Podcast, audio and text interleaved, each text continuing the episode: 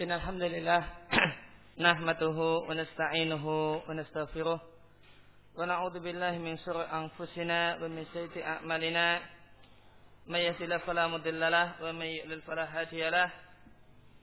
وأشهد أن لا إله إلا الله وحده لا شريك له. وأشهد أن محمدا عبد ورسوله صلى الله عليه وعلى آله وصحبه وسلم. أما بعد فإن أصدق الحديث كتاب الله وخير الحديث Haji Muhammadin sallallahu alaihi wasallam. Syarrul umuri muhtasatuha fa inna kulla muhtasatin bid'ah wa kulla bid'atin dalalah wa kulla dalalatin final Ikhwafillah wa akhwati din yang dimuliakan oleh Allah Subhanahu wa taala.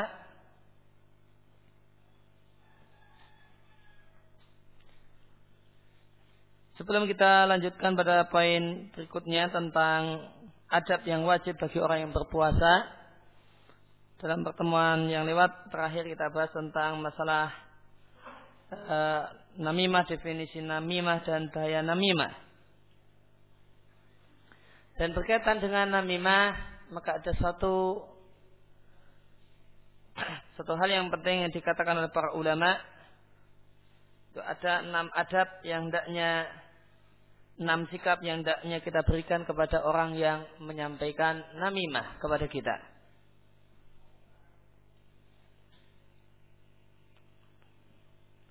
Enam hal ini pada asalnya adalah perkataan Abu Hamid Al-Ghazali di Ihya Ulumuddin. Namun dinukil oleh banyak para ulama dan disetujui oleh banyak para ulama. Semacam dinukil oleh An-Nawawi di Sarah Muslim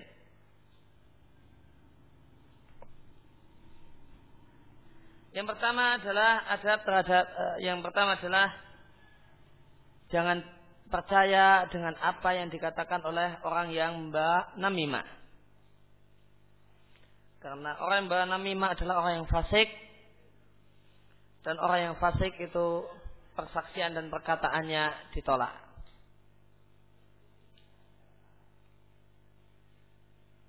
Dan namimah kemarin adalah orang yang menukil perkataan seseorang kepada orang lain dengan tujuan untuk merusak hubungan.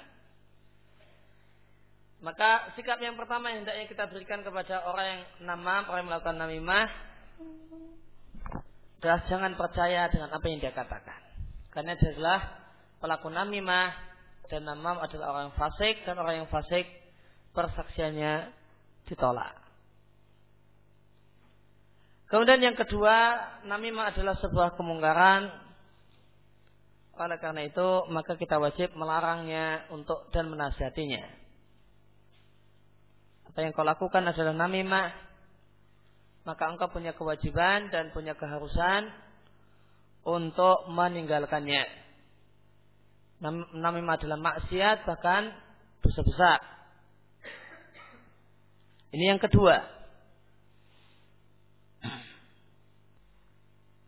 Kemudian yang ketiga adalah kita punya kewajiban untuk membenci orang ini, orang yang membawa berita namimah ini. Kita benci karena Allah, karena dia adalah seorang yang dimurkai di sisi Allah Subhanahu wa taala. Karena dia adalah pelaku dosa besar, seorang yang dibenci oleh Allah Subhanahu wa taala dan kewajiban kita adalah membenci orang yang dibenci oleh Allah Subhanahu wa taala. Kemudian yang keempat, jangan buruk sangka. Gara-gara berita orang yang membawa namimah ini. Karena ada orang yang membawa berita namimah, ada orang yang membawa namimah, maka mungkin kita akan berburuk sangka dengan orang yang dia ceritakan. Gara-gara namimah orang ini. Maka karena ini yang bawa adalah orang fasik, berita yang dibawa oleh orang fasik yang tidak boleh dipercaya maka jangan berburuk sangka kepada orang tersebut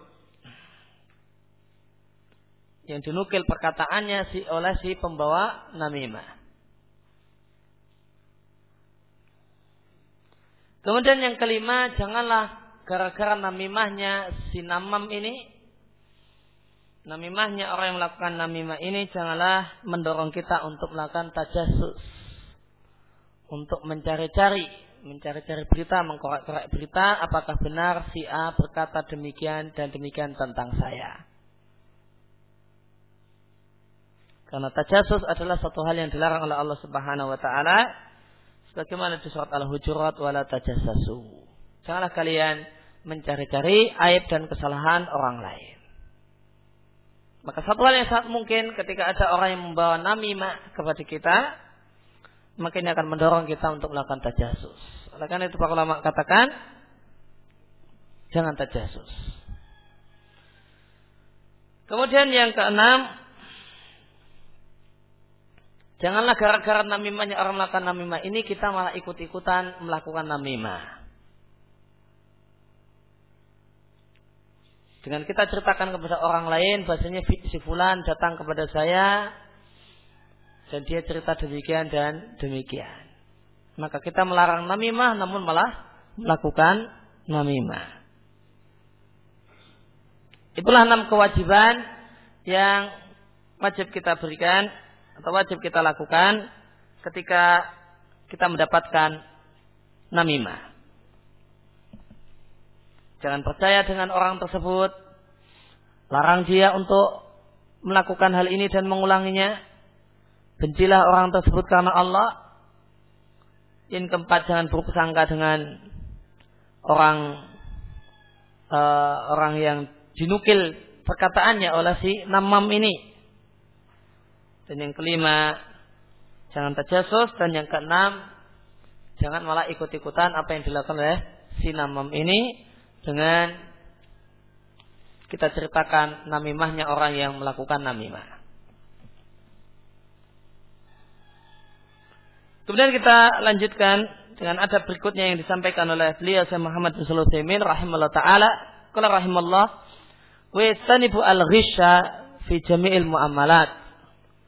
Dan tidaklah orang yang berpuasa, demikian juga orang yang e, di bulan Ramadan, demikian juga di luar Ramadan, tidaklah menjadi rish, menjadi menipu dalam semua dalam semua muamalah, dalam semua transaksi berupa baik, baik jual beli ataupun sewa menyewa ataupun sinaah ataupun membuat barang rahan, gadai dan yang lainnya. Kita katakan barang ini bagus, ini buatan kita ini bagus, demikian demikian, padahal ternyata jelek. Kita katakan nomor satu padahal uh, nomor sepuluh, ada nolnya di belakang. Demikian pula hendaknya menjadi risk dalam semua munasahat, dalam semua nasihat dan musyawarah. Ketika kita bermusyawarah, kita diminta pertimbangan, maka hendaknya kita bicara jujur dan apa adanya dan tidak ada yang tutup-tutupi. Misalnya ada seorang yang datang kepada kita bertanya, dia mau nikah dengan si A, bagaimanakah si A? Maka tidak boleh rish. Dan ditutup-tutupi karena si A itu teman dekat kita, maka kita wajib apa adanya mengatakan bagaimanakah orang ini setahu kita. Final ghish karena sebenarnya ghish menipu adalah termasuk dosa besar.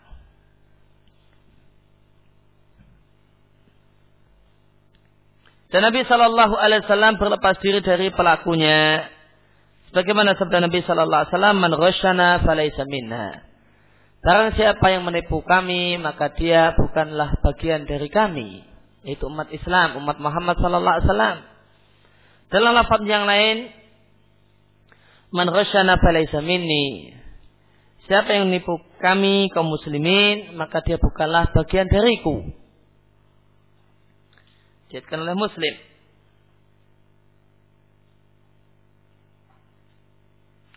Maka di sini Nabi Shallallahu Alaihi Wasallam berlepas diri dari orang yang melakukan perbuatan rish, dan di antara tanda indikator dosa besar adalah semua perbuatan adalah perbuatan yang Nabi Shallallahu Alaihi Wasallam berlepas diri dari pelakunya. Bukan bagian dari kami, bukan bagian dariku, bukan umatku. Maka satu perbuatan yang Nabi Shallallahu Alaihi Wasallam berlepas diri dari pelakunya itu adalah ciri bahasanya perbuatan tersebut adalah dosa besar. Apa itu rish? Wal ghish khadi'ah. Ya. Menipu ghish itu adalah khadi'ah menipu wa khianat dan khianat. Wa unil amanah dan tidak menunaikan amanah.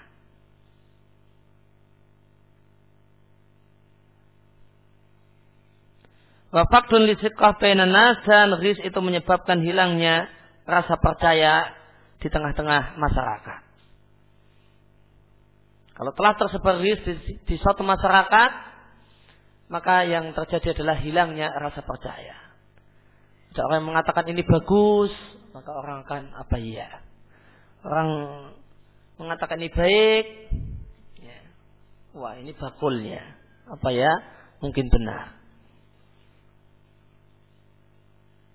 Wakul kasbin melghish dan semua penghasilan yang didapatkan dari menipu fa'inau kasbun khabisun haramon maka adalah pendapatan yang kotor dan haram yang tidaklah menambah pelakunya kecuali semakin jauh dari Allah Subhanahu wa taala. Dan dikatakan oleh para ulama termasuk rish adalah mencontek Mencontek itu termasuk rish. Mencontek ketika ujian itu termasuk rish.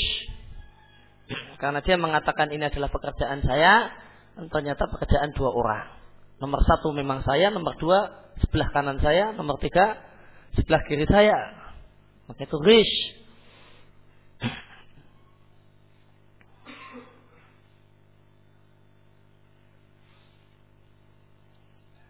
Maka berlakulah hadis man rasyana falaysa minna atau man rasyana falaysa minni. Demikian juga termasuk rish nah, rish dalam tugas dan makalah.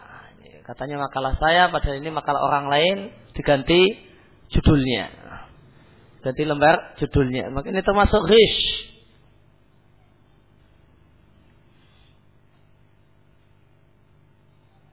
Dan betapa banyaknya rish di zaman ini. Dan ini menyebabkan sebagaimana yang beliau katakan, faktus siqah bainan nas. Orang sudah nggak percaya dengan komentar-komentar baik-baik muluk-muluk karena maaf di mana-mana ghish. Di mana kita bisa percaya? Kemudian adab yang wajib Berikutnya adalah menjauhi al-ma'azif, menjauhi alat musik. Wahya alatul lahwi.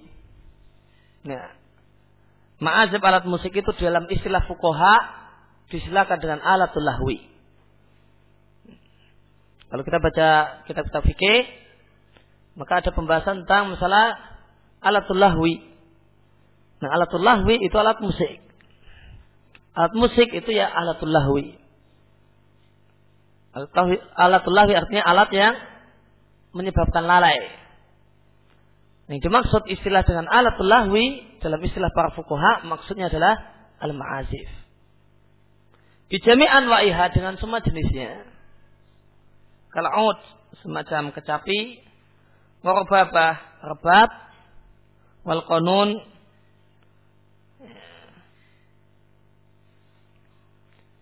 satu jenis alat uh, alat musik. Kalau mau tahu bentuknya bisa dilihat di Munawir misalnya. Di bab belakang tentang gambar-gambar alat musik. Kemudian al-kamanjah, biola, piano, piano, kaman, trompet, dan yang lainnya. Fa'ina hadihi haramon, maka alat-alat ini hukumnya adalah haram. Watasdadu tahriman wa itman dan haramnya semakin bertambah dan dosanya semakin besar jika ditambah dengan rina, ditambah dengan nyanyian. Maka ada dua hal yang terlarang. Maka ada dua hal yang terlarang, rina, nyanyian, nyanyian itu maksudnya tanpa alat musik. Dan ma'azib, alat musiknya meskipun tanpa nyanyian. Maka akan bertambah haram dan bertambah dosa jika bunyi alat musik tersebut diiringi dengan al-ghina diiringi dengan nyanyian dengan suara yang indah dan aghanin dan dengan nyanyian yang mutirah yang e, membangkitkan membangkitkan sahwat. Di antara dalil haramnya ghina dan haramnya ma'azib alat musik, nyanyian dan alat musik adalah firman Allah Subhanahu wa taala di surat Luqman, "Wa minan nasi may wal hadis yudilla an sabilillah bi ilmin wa yattakhidaha huzwa." Ulaika lahum adzabun muhin. Dan di antara manusia ada yang ada seorang yang membeli lahwal hadis, perkataan yang melalaikan. Yuidillah ang sabilillah untuk menyesatkan manusia dari jalan Allah Subhanahu wa taala. Atau liyudillah untuk menyesatkan orang lain. An sabilillah dari jalan Allah Subhanahu wa taala. Dalam kiraah yang lain liyadillah an sabilillah supaya dia menyesatkan dirinya sendiri dari jalan Allah Subhanahu wa e, menyesatkan dirinya sendiri dari jalan Allah. Ada dua kiraah yang umum adalah liyudillah ang sabilillah untuk menyesatkan orang lain dari jalan Allah. Namun ada kiraah yang lain ada liyadillah ang sabilillah supaya dia bisa sesat dan jauh dari jalan Allah. Tanpa ilmu wa huzwa dan tidak menjadikan uh, jalan Allah agama Allah sebagai ejaan dan Allah-Allahan ulaika lahum adzabun muhin maka untuk mereka siksa yang menghinakan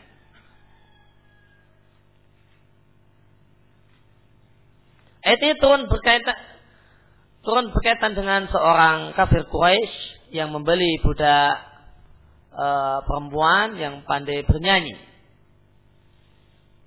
Maka Eh, dia beli eh, budak perempuan yang pandai bernyanyi dan dia gunakan hal ini untuk dia ajak manusia untuk mendengarkan nyanyian budak perempuan ini supaya tidak mendengarkan Al-Quran yang dibaca oleh Nabi kita Muhammad Sallallahu Alaihi Wasallam. Ini sebab nuzul ayat ini. Maka jelas berdasarkan sebab nuzul ayat ini, maka termasuklah wal hadis Ya, termasuk lafal hadis adalah nyanyian. Nah, karena Allah katakan dan di antara manusia ada orang yang membeli, yaitu dia membeli budak perempuan ya, dan disuruh untuk menyanyi. Dan Allah katakan liudillah angsabilillah. Supaya dia bisa menyesatkan orang lain dari jalan Allah.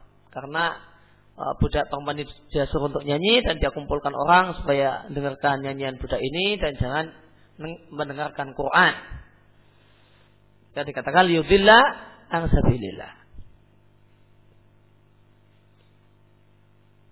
Demikianlah kesungguhan ahlul batil mereka rela untuk mengeluarkan duit, mengeluarkan untuk ini yang tidak sedikit. Nah, tujuannya apa? Ya supaya orang itu menjadi temannya bersama dalam kesesatan. Bukan mereka berjuang mati-matian untuk memperjuangkan kesesatan. Namun banyak ahlul hak, orang yang mengetahui kebenaran, malah tidak memperjuangkan kebenaran yang dimiliki. Padahal ahlul batil demikian sungguh-sungguh untuk memperjuangkan kebatilan. Terlang untuk mengeluarkan uang dan harta dan sebagainya yang tidak sedikit demi untuk mencari teman, dari klub agar orang-orang tersesat dari jalan Allah. Kenapa kita yang malah me Kenapa alul hak orang-orang yang telah mengetahui kebenaran malah tidak mau memperjuangkan sungguh-sungguh kebenaran. Namun ya sambil lalu sesantainya, sebisanya. Ya, kalau untuk keluar duit ya nanti-nanti dulu. Kalau dapat duit ya ayo. Sahaan Ibni Mas'ud dan terdapat ayat yang saya dari Ibnu Mas'ud. Sesungguhnya Ibnu Mas'ud ditanya tentang ayat ini, maka beliau katakan, Wallahi la ilaha ghairuhu huwal ghina. Demi Allah, zat yang tidak ada sesembahan yang berat disembah melainkan dia, yang dimaksud dengan lahul hadis adalah al-ghina adalah nyanyian. Wasaha dan terdapat riwayat yang sahih juga dari Ibnu Abbas, Ibnu Umar dan disebut uh, disebutkan oleh Ibnu Katsir tafsir dari Jabir dari Ikrimah, Said bin Jubair dan Mujahid.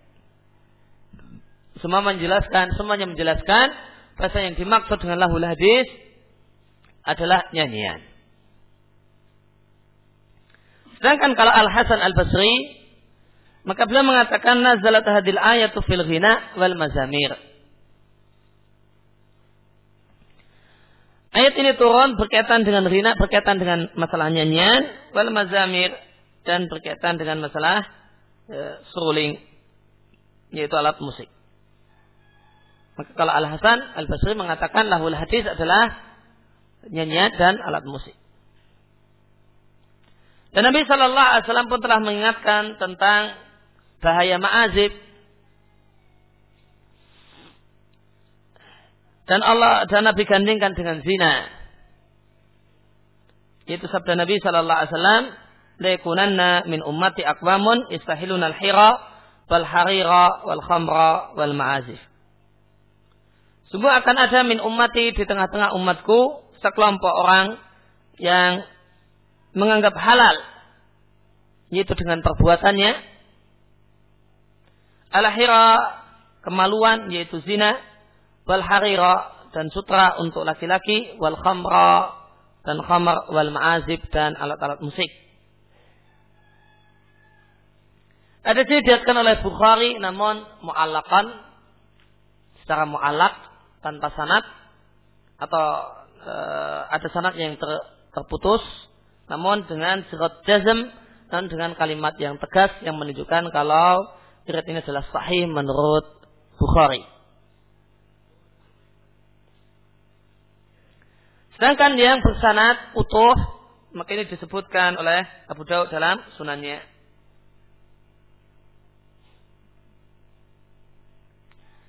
Kemudian kata Sayyid Musaimin yang dimaksud hira dalam hadis ini adalah al-farju kemaluan. Dan yang dimaksud dengan kemaluan di sini adalah perbuatan zina. Yang dimaksud yastahilun menghalalkan di sini adalah menghalalkan dengan perbuatan, bukan menghalalkan dengan keyakinan. Kalau mereka menghalalkan dengan keyakinan, menghalalkan khamr dengan keyakinan, maka kafir maka kafir. Jika kafir maka tentu tidak akan Nabi katakan min ummati. Tentu Nabi tidak akan menyebutnya adalah bagian dari umatku. Namun yang dimaksud mereka menghalalkan di sini adalah menghalalkan dengan perbuatan. Oleh karena itu, Ibnu Taimin memaknai yastahilun di sini, memaknai yastahilun alunahu fi'lal mustahil mustahilillaha bituni mubalatin itu mereka melakukan melakukan hal-hal tadi sebagaimana perbuatan orang yang menghalalkan. Sebagaimana perbuatan orang yang menghalalkannya yaitu mereka tidak memiliki kepedulian dengan larangan-larangan tentang hal-hal tadi. Artinya apa? Dengan kata lain, menghalalkan dengan perbuatan.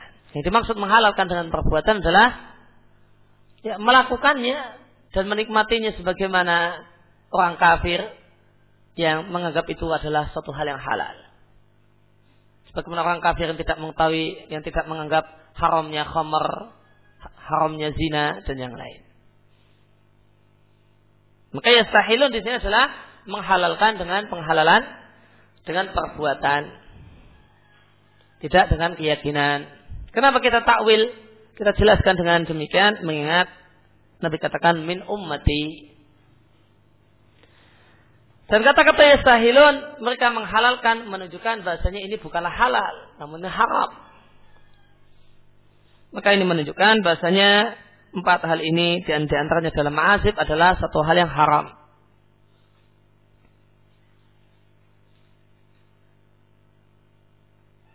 Kemudian yang kedua, Nabi Shallallahu Alaihi Wasallam gandengkan ma'azib dengan khamar dan dengan zina dan dengan pakai sutra untuk laki-laki dan ini adalah semuanya adalah hal-hal yang haram. Nabi gandengkan. Maka ini menunjukkan bahasanya ma'azib adalah haram.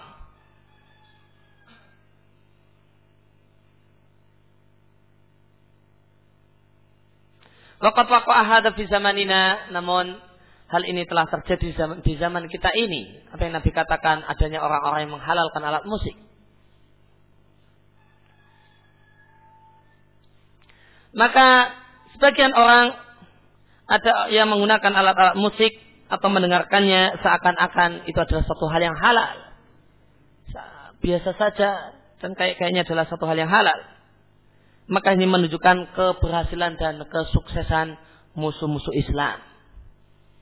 Maka fenomena ini menunjukkan bahwa musuh-musuh Islam itu berhasil dan sukses menebarkan makarnya lil muslimin bagi kaum muslimin sehingga mereka berhasil menghalangi kaum muslimin untuk mengingat Allah Subhanahu wa taala dan hal-hal yang penting dalam ajaran agama mereka dan urusan dunia mereka.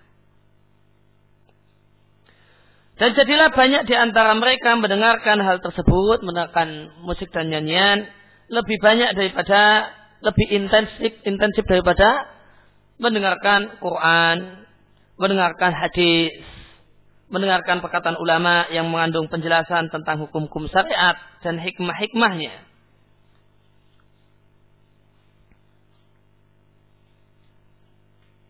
Nah, demikian penjelasan beliau tentang masalah ini. Maka ada dua hal yang yang beliau sampaikan dalam hal ini yaitu haramnya ma'azib dan haramnya al-ghina. Untuk ma'azib maka untuk alat musik dengan semua bentuknya maka pada asalnya adalah hukumnya haram kecuali rebana dan itu pun cuma pada event-event tertentu yaitu cuma Eid dan pada saat walimatul urs dan itu pun cuma boleh untuk sekelompok manusia tertentu yaitu perempuan dan bukan untuk laki-laki.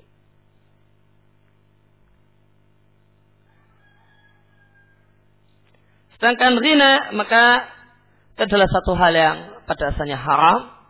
Sebagaimana di surat Luqman.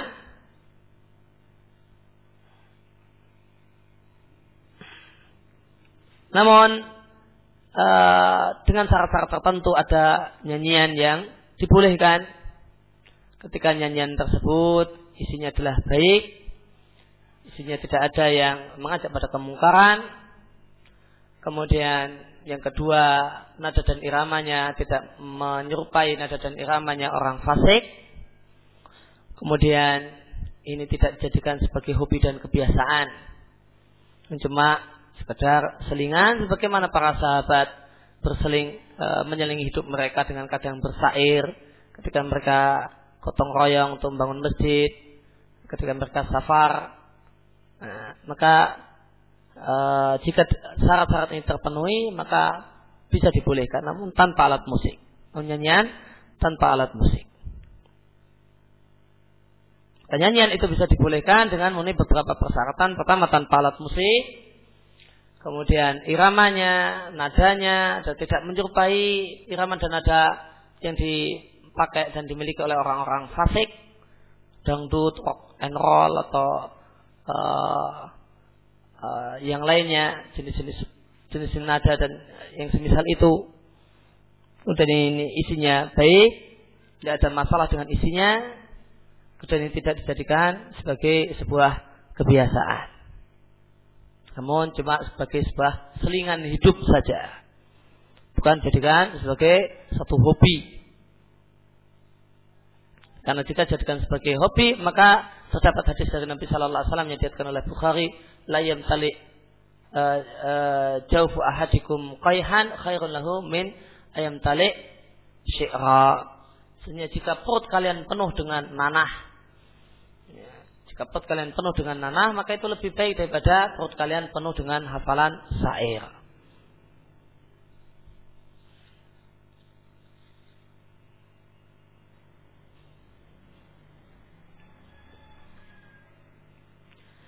Kemudian Allah katakan fahzaru ayhal muslimun maka hati-hatilah waspadalah wahai kaum muslimin dari hal-hal yang membatalkan puasa dan hal-hal yang mengurangi nilai puasa. Dan jagalah puasa kalian dari perkataan yang haram dan perbuatan yang haram. Nabi Shallallahu Alaihi Wasallam mengatakan malam yadak kaula zur wal amala bihi wal jahla falaysa lilai hajatun fi ayata atau amahu wa syarabahu.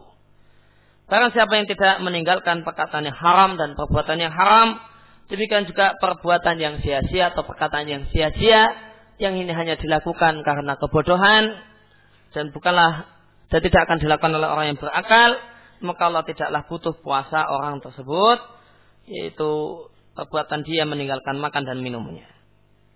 Dan sahabat Jabir radhiyallahu anhu mengatakan, "Idza sumta falyasum sam'uka wa basaruka wa anil kadibi wal maharimi. Jika engkau berpuasa, maka hendaklah pendengaranmu dan penglihatanmu juga berpuasa. Demikian pula lisanmu hendaklah berpuasa dari dusta dan dari hal-hal yang haram yang lain.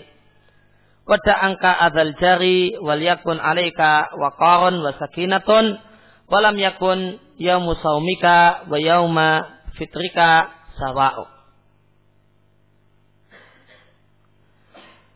Dan tinggalkanlah perbuatan mengganggu tetangga, maka jangan usil dengan tetangga, tetangga rumah, tetangga kamar, tetangga, tetangga tidur, istri dan yang lainnya.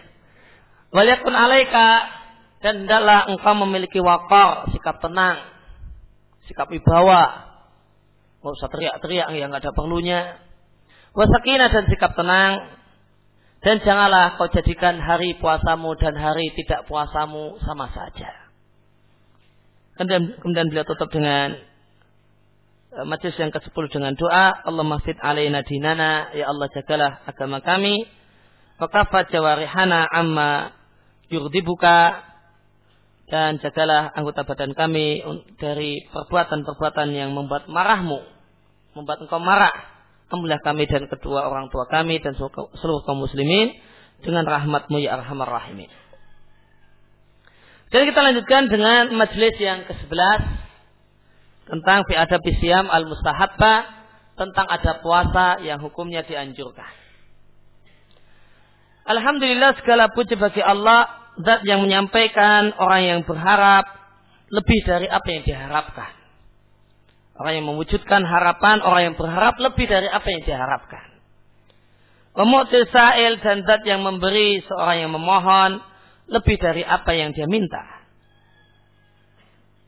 Aku memujinya karena aku mendapatkan petunjuk wahusul dan mendapatkan petunjuk dan aku mengikrarkan keesaannya.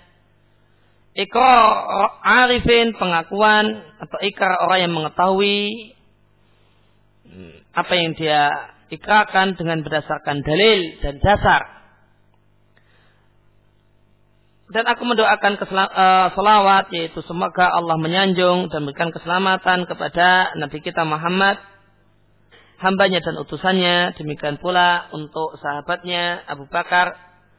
Al-mulazim lahu seorang yang selalu menyertai Nabi sallallahu alaihi wasallam fi tarhalihi wa hululihi baik ketika Nabi safar ataupun ketika Nabi tidak safar baik ketika Nabi bepergian ataupun tidak bepergian Demikian juga semoga Allah menyanjung Umar, seorang yang menjaga Islam dengan penuh ketegasan, dengan eh, penuh ketegasan hati. Wala yakhafu min fululihi dan tidaklah tidaklah khawatir, tidaklah merasa takut dengan rusaknya pedangnya. Wala Utsman dan semoga Allah menyanjung Utsman seorang yang bersabar menghadapi bencana menghadapi masalah ketika terjadinya masalah. Demikian juga semoga Allah menyanjung Ali bin Abi Thalib seorang yang membuat takut musuh para musuh dengan keberaniannya sebelum nusulihi sebelum senjatanya. Demikian juga semoga Allah memberikan salawat menyanjung dan berikan keselamatan untuk seluruh keluarga Nabi yaitu yang beriman saja tentunya dan para sahabatnya yang mereka adalah manusia-manusia yang mendapatkan yang meraih hazu kosabat sabaki yang meraih uh, tongkat terdahulu fi furu'iddin dalam uh, pokok cabang-cabang agama yaitu fikih wa usulihi dan pokok-pokoknya yaitu akidah.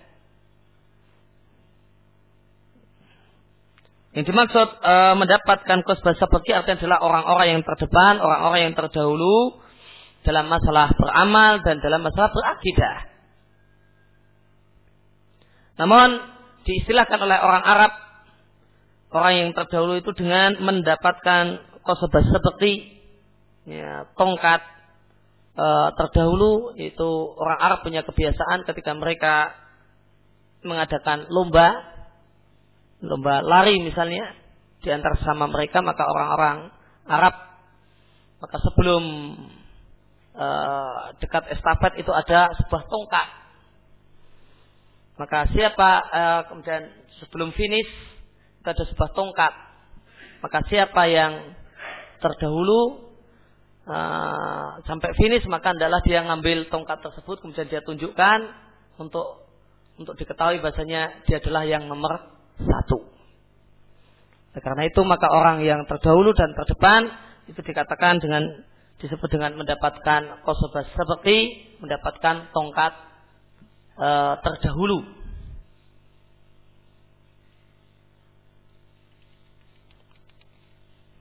Dan mereka adalah para sahabat adalah orang-orang yang terdahulu dan terdepan dalam melaksanakan cabang-cabang agama dan pokok-pokok agama. Mata roda dan nasim selama angin itu bolak-balik. Nasim artinya angin. dari arah selatan dan dari arah utara, dari arah barat.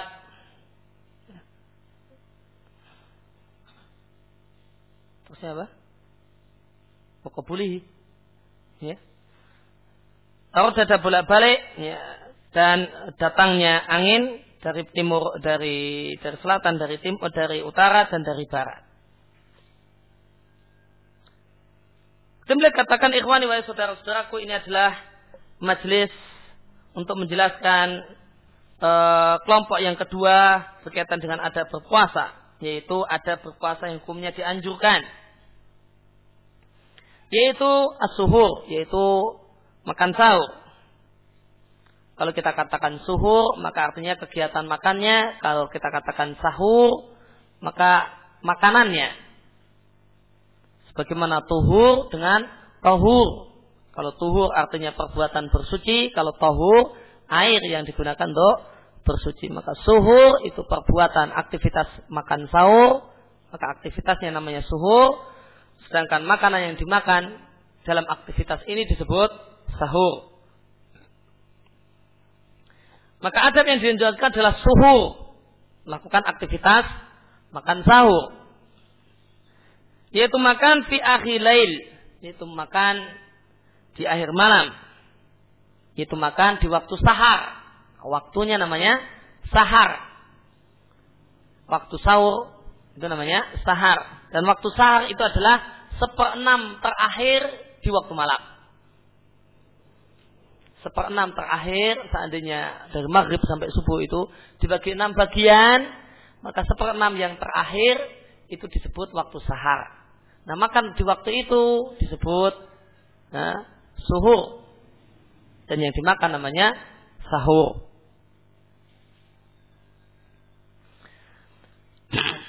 Makan tersebut dinamakan dengan uh, suhur li'anau yaqa fi sahari karena aktivitas makan ini terjadi di waktu sahar. Dan waktu sahar adalah seperenam terakhir dari waktu malam. Dan Nabi Shallallahu Alaihi Wasallam memerintahkan bersahur dengan Nabi katakan tasaharu fa'ina fi suhuri barokah dalam kalian makan sahur maka dalam kegiatan makan sahur terdapat barokah.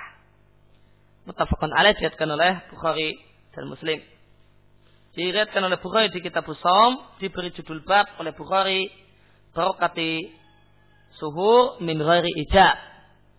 Ya, berkahnya makan sahur namun makan sahur itu tidak wajib. Maka Bukhari mengatakan hukum makan sahur itu tidak wajib. Meskipun di sini ada perintah tasaharu.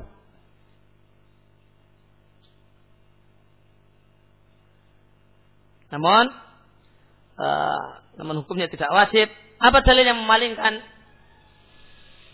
perintah ini menjadi tidak wajib?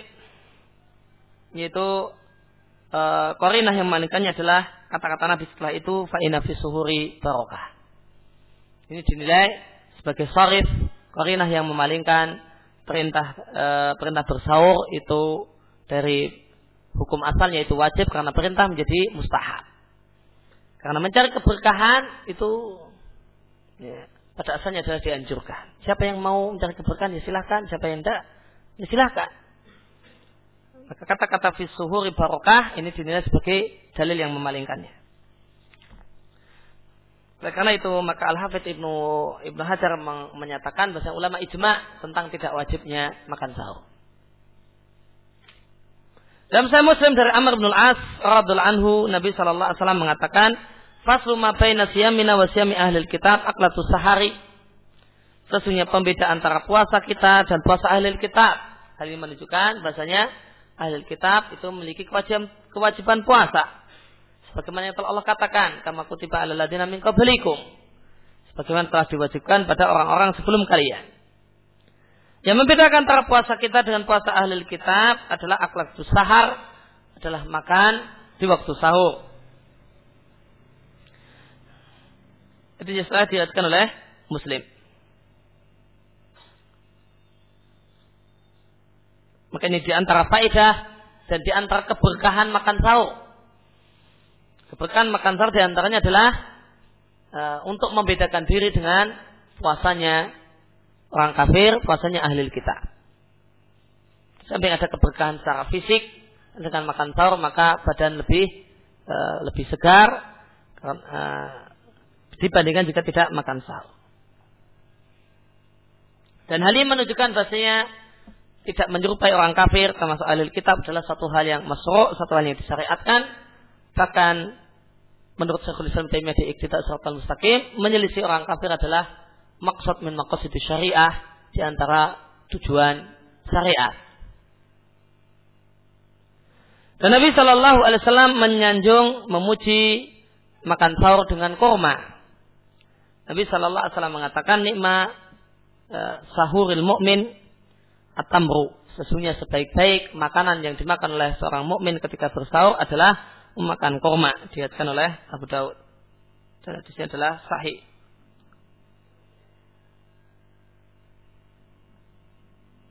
Sanadnya sahih sebagaimana disebutkan oleh Al-Mudir di Tarhib Tarhib.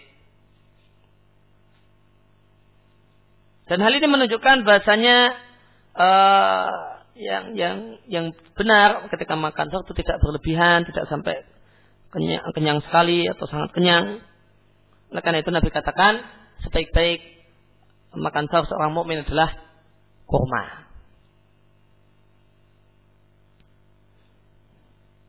Wakala sallallahu alaihi wasallam dan Nabi sallallahu alaihi wasallam juga mengatakan Asuhuru kuluhu barokah fala tada'uhu atau asahuru kuluhu barokah makanan sahur semuanya adalah berkah fala tada'uhu maka janganlah kalian meninggalkannya.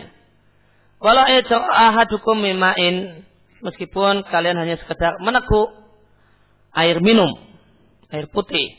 Fa inna Allah wa malaikatahu yusalluna 'alal mutasahirin. Sesungguhnya Allah Subhanahu wa taala dan para malaikatnya berselawat itu menyanjung orang-orang yang melakukan makan sahur. Lihat oleh Imam, Imam Ahmad dan kata Al-Hafidh Al-Mungdiri di At-Tarhib At-Tarhib beliau katakan sanatnya kuat. Maka ini di antara keberkahan yang lain. Karena keberkahan itu artinya apa? Kebaikan.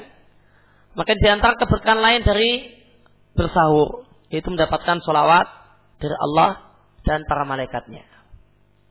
Salawat dari Allah artinya sanjungan Allah di hadapan para malaikat.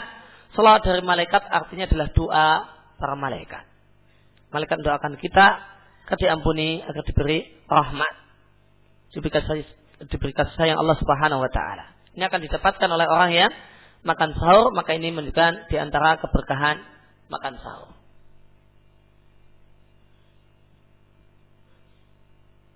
Maka oleh karena itu Nabi sangat tekankan meskipun hanya sekedar meneguk beberapa teguk air putih.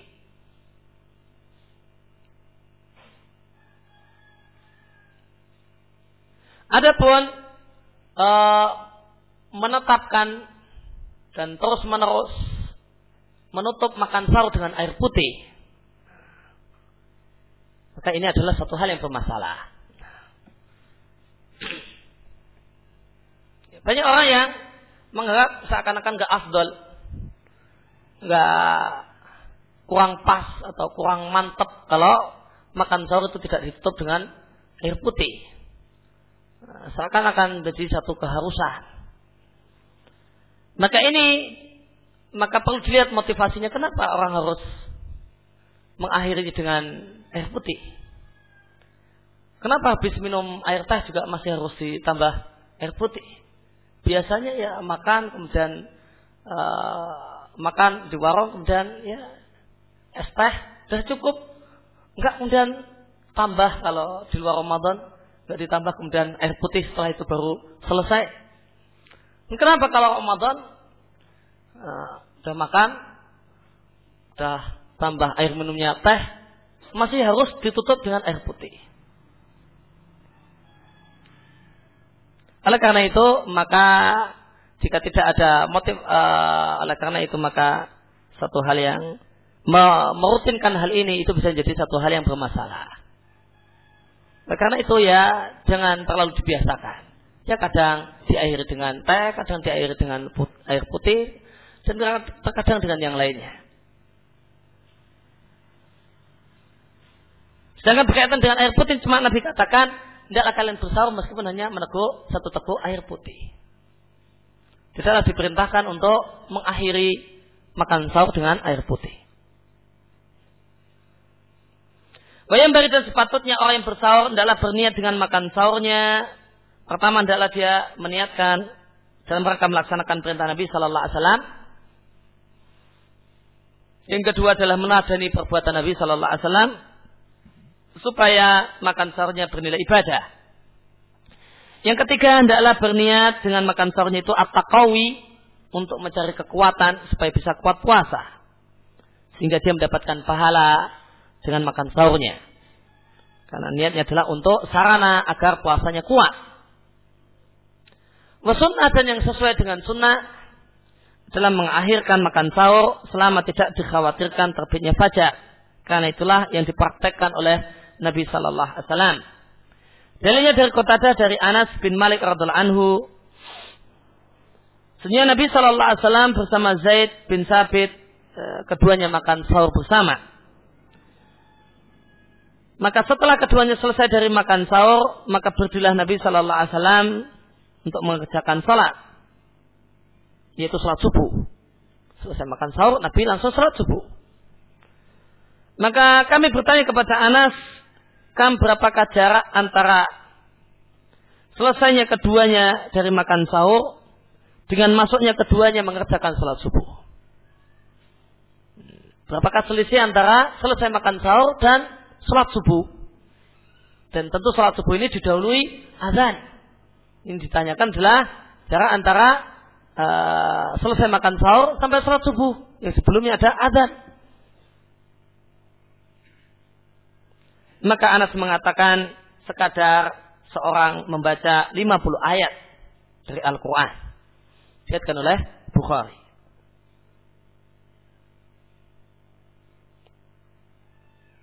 Maka ini menunjukkan padahal sebelum subuh, sebelum Nabi melaksanakan sholat subuh, itu ada azan.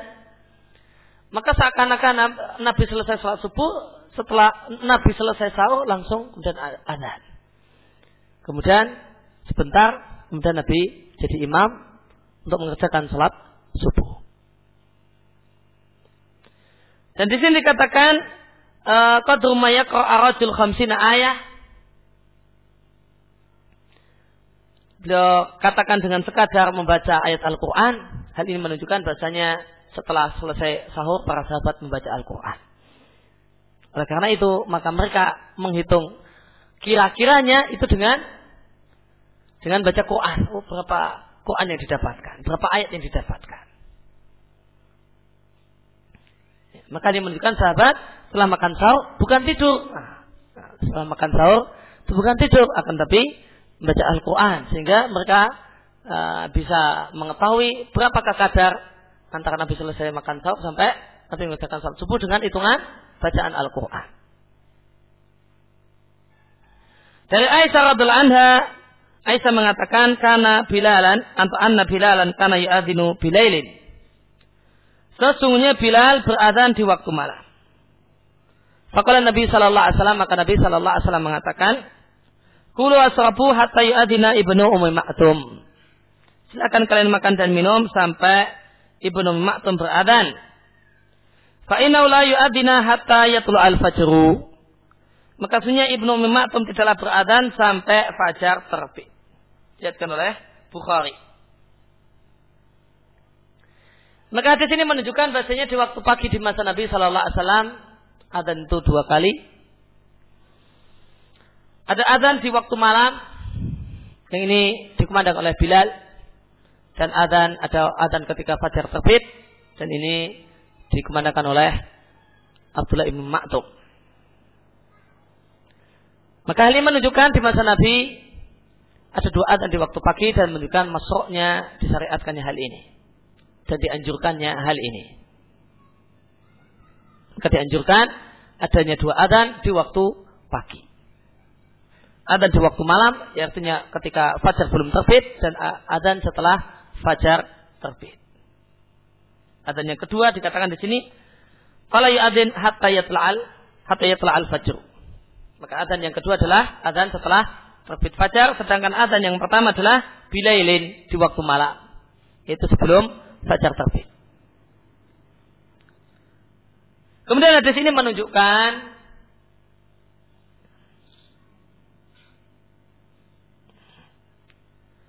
dianjurkan ketika adzan pagi, adzan di waktu pagi itu uh, antara adzan adzan di waktu malam dan adzan setelah terbit fajar itu orangnya beda. Dianjurkan agar orangnya beda. Supaya apa?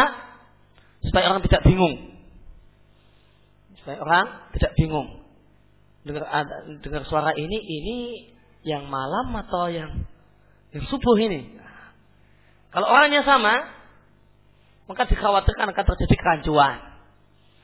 Apalagi orang ketika mati listrik dan terdengar azan, nggak ada jam, atau jamnya mati. Kalau suaranya sama, itu dan itu juga, maka dua-duanya orangnya itu, maka orang akan bingung. Ini yang mana? Yang azan malam atau ke azan ya setelah terbit fajar.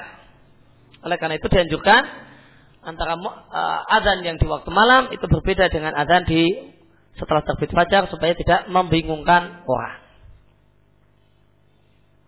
Dan di sini menunjukkan bahasanya azan yang di waktu malam itu tidak menghalangi untuk makan dan minum.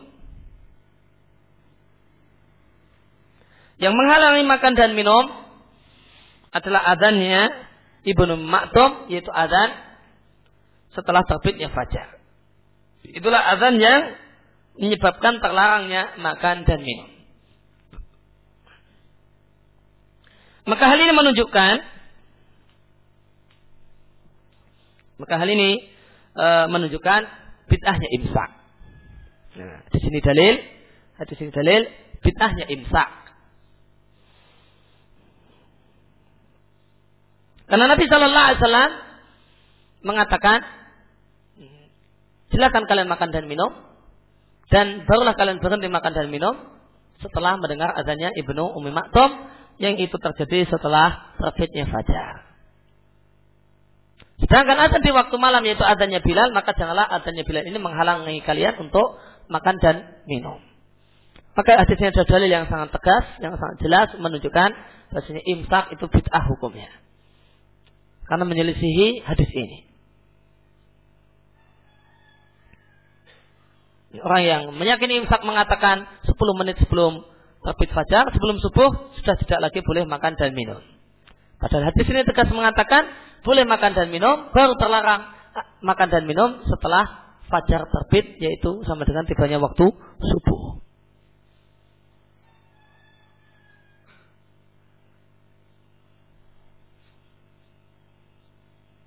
Berkaitan dengan azan di waktu malam dan azan setelah terbit fajar. Di mana kalau tak taswib? Dimakah letak asalatu khair minan naum? Yang ini disebut dengan bacaan taswib. Maka ada ulama yang mengatakan letaknya adalah di adzan di waktu malam. Ini adalah pendapat yang dipilih oleh Syekh Muhammad Nasruddin Al-Albani rahimallahu taala. Sebagaimana di kitab Tamamun Minnah taklik untuk fikih sunnah. Namun pendapat yang lain, pendapat yang kedua yang, yang dipilih oleh Syabdul Aziz bin Bas, demikian juga Syekh Muhammad bin Sulaiman, Asalatul khairu untuk letaknya di adzan setelah terbitnya fajar, bukan di adzan di waktu malam. letak permasalahannya adalah hadis Abi Mahdura. Di sana Nabi Shallallahu Alaihi Wasallam mengajarkan uh, Abi Mahdura untuk beradan dan Nabi katakan tidaklah engkau tambahkan di adzan awal. Tidaklah engkau tambahkan di adzan awal dengan bacaan as-salatu khairu minan naum. Nah, apa yang dimaksud dengan azan awal? Ini letak permasalahannya. Apa pengertian azan awal? Maka pendapat pertama mengatakan yang dimaksud azan awal dalam hadis Abi Mahdura ini adalah uh, azan di waktu malam. Bukan setelah terbit fajar.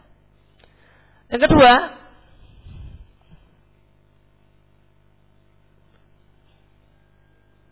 Sedangkan pendapat kedua mengatakan adzan awal di sini adalah adzan ketika terbit fajar. Karena di sini Nabi menyebut adzan, eh, Nabi menyebut adzan, sedangkan adzan sehingga adzan di sini kita maknai dengan makna adzan secara istilah. Secara istilah dan adzan secara istilah adalah adzan setelah tibanya waktu sholat. Adapun adzan di di luar waktu sebelum tibanya waktu sholat itu bukanlah azan secara istilah. Namun azan secara bahasa. Itu pemberitahuan. Nabi katakan azan awal. Maka azan di sini dimaknai dengan mana istilah. Mana istilah untuk azan adalah setelah tibanya waktu sholat. Itu azan secara istilah. Dan nas-nas Quran dan Sunnah wajib dimaknai dengan mana syar'i istilah-istilah yang ada dalam Quran dan Sunnah maka wajib dimaknai dengan makna syar'i. Sedangkan makna syar'i untuk adzan, ya, makna istilah untuk adzan itu makna syar'i untuk adzan adalah yang setelah tibanya waktu sholat. Itu kenapa disebut awal? Jawabannya menurut pendapat yang kedua karena ikomah juga disebut adzan. Karena ikomah juga disebut adzan sebagaimana dalam hadis baina kuli ini salatun. Ada salat setiap di antara dua azan, yaitu azan dan iqamah. Ini alasan ulama yang mengatakan uh, as-salatu khairu minan itu letaknya di azan setelah terbit fajar. Dan alasannya pun alasan yang cukup kuat. Kemudian titik permasalahan yang kedua dilihat dari makna. Kata ulama yang mengatakan ini azan as-salatu khairum minan itu letaknya di awal di, di azan di malam, mereka mengatakan as-salatu khairum minan salat lebih baik daripada tidur. Ini cocoknya untuk kalimat salat itu lebih baik daripada tidur. Itu cocoknya adalah ada di waktu malam. Salatnya di sini maksudnya adalah salat malam, kemulain. Nah, kemulain itu lebih baik daripada tidur. Dan di sini lebih baik.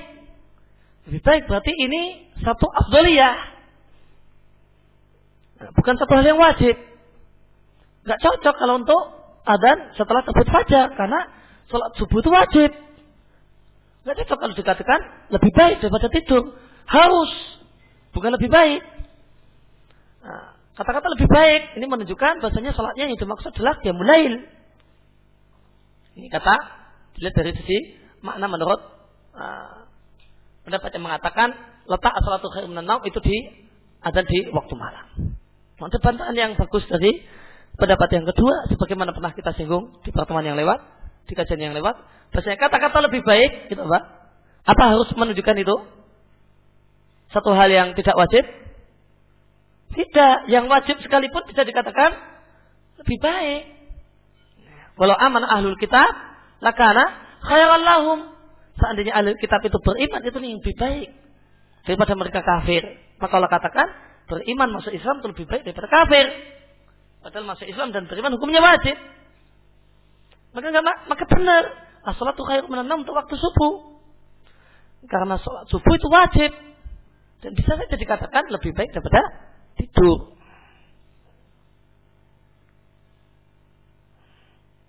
Maka ringkasnya uh, khilaf dalam masalah ini adalah khilaf yang uh, khilaf yang kuat uh, dan khilaf yang kuat dalam ini maka tidak, maka tidak ada ingkarul mungkar dalam masalah ini. sehingga tidaklah bisa disalahkan orang yang meletakkan asalatu khairum nanam di adan ketika terbit fajar uh, tidak bisa disalahkan dengan alasan-alasan mereka yang cukup kuat sehingga berlakulah kaidah para ulama la ingkara fi masail istihadiyah dan berkaitan dengan kaidah turunan dari la ingkara fi masail istihadiyah ini berlaku kaidah bahasanya jika di satu masyarakat itu sudah menganut satu e, memilih satu pendapat tertentu dan itu adalah pendapat yang istihadi, maka janganlah orang itu bikin aneh-aneh. Nah, aneh-aneh sehingga masyarakat geger dan bingung. Orang awam kasihan. Selama selama pendapat mereka adalah mereka memilih pendapat yang masih termasuk dalam uh, khilaf istihadi yang di sana berlaku kaidah la ingkara fi masail istihadiyah. Maka tidak boleh ada datang orang baru membawa uh, pendapat baru dan ini membuat geger masyarakat. Non biarkan masyarakat dengan pendapatnya selama itu adalah pendapat yang masih dihormati dan pendapat yang berlaku di sana kaidah la ingkara fi masail istihadiyah. Bagaimana dikatakan oleh uh, Syaikh Al Fauzan di Sarah Masail Jahiliyah ketika menjelaskan masa, eh, masalah yang kedua.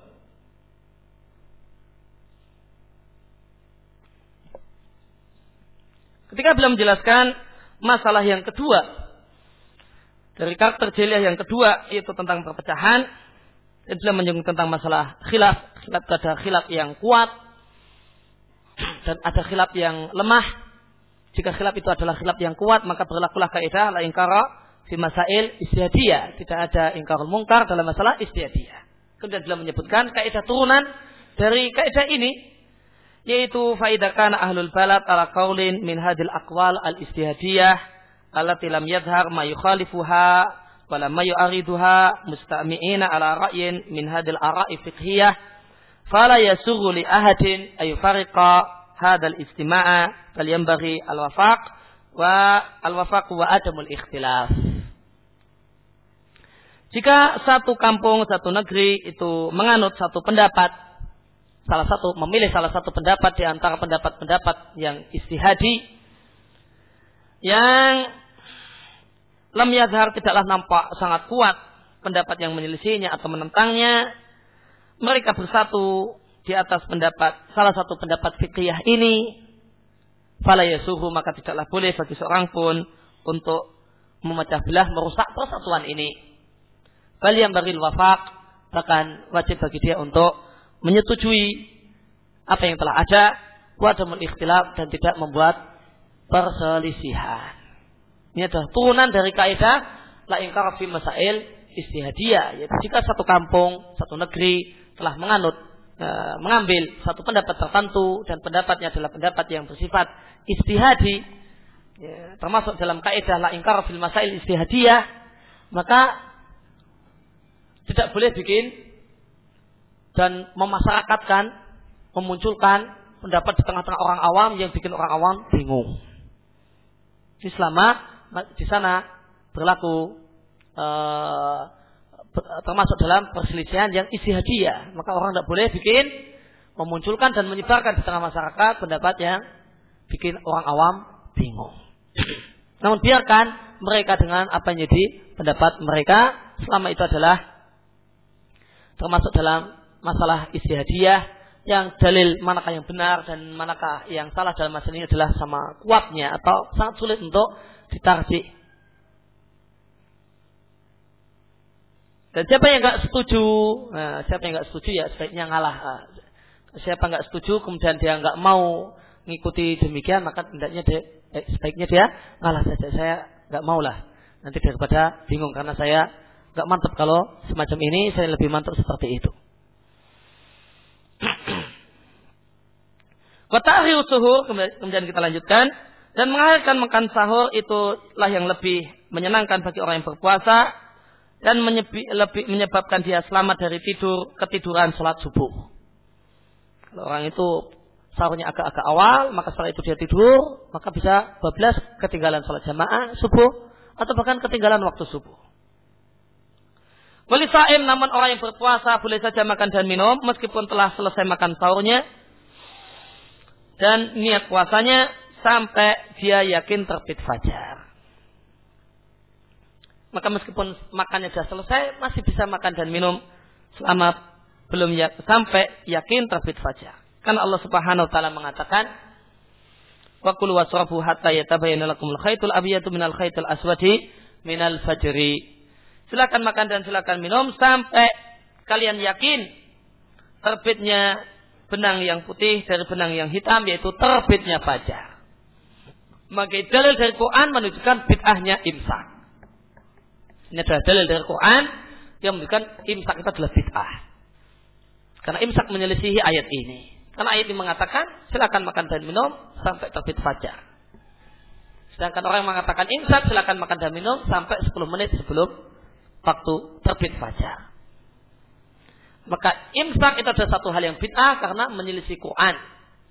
Itu surat Al-Baqarah ayat 187 dan juga menyelisih hadis, yaitu hadis yang tadi telah kita baca dan menyelisih definisi puasa yang sudah ma'ruf dan menyelisih definisi puasa yang sudah ma'ruf puasa adalah uh, beribadah kepada Allah dengan menahan diri dari segala pembatal puasa sejak terbit fajar sampai tenggelamnya matahari.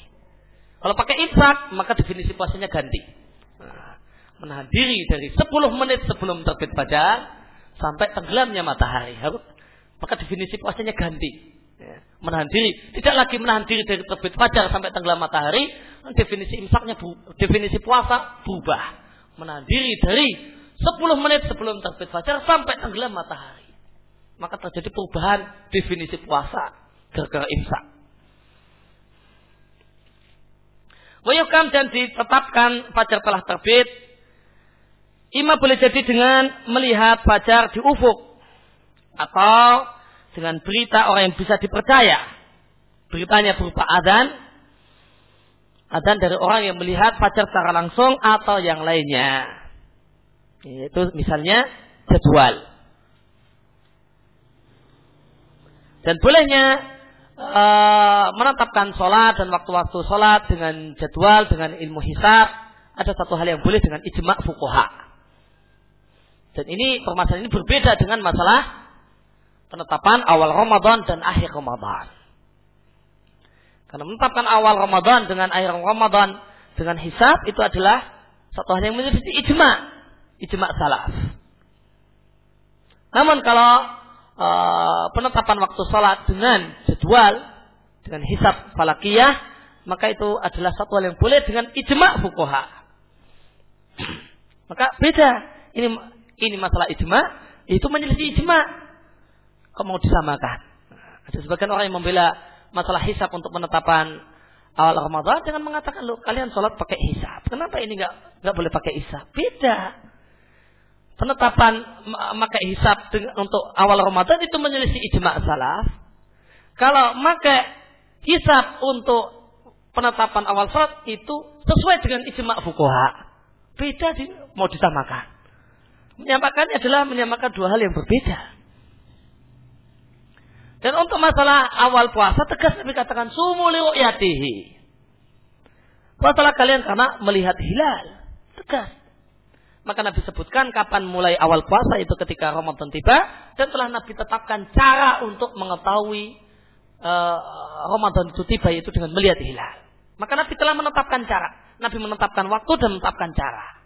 Itu untuk awal puasa dan akhir puasa. Beda dengan sholat. Nabi cuma menetapkan waktu dan tidak menetapkan cara. Untuk sholat, Nabi hanya menetapkan waktu dan Nabi tidak menetapkan cara. Caranya diserahkan pada kita. Nabi cuma mengatakan, ya, waktu sholat duhur sejak matahari terbit, sejak matahari geser ke barat sampai bayang-bayang benda sama dengan bendanya. Nabi tidak katakan jika kalian melihat matahari geser ke barat. Perhatikan bedanya. Nabi tidak mengatakan waktu sholat duhur adalah jika kalian melihat matahari geser ke barat. Dan jika kalian lihat sampai jika kalian lihat bayang-bayang benda sama dengan bendanya. Gak pakai kata demikian. Namun Nabi katakan jika matahari telah geser ke barat. Gimana cara mengetahui matahari geser ke barat? Nabi tidak menjelaskannya. Nabi tidak memberikan rincian tentang cara untuk mengetahui matahari geser ke barat. Oleh karena itu fukoha ijma, sebagaimana dikatakan oleh Al-Qarafi Al-Maliki, fukoha ijma untuk boleh memakai jadwal hisab untuk masalah penetapan waktu sholat.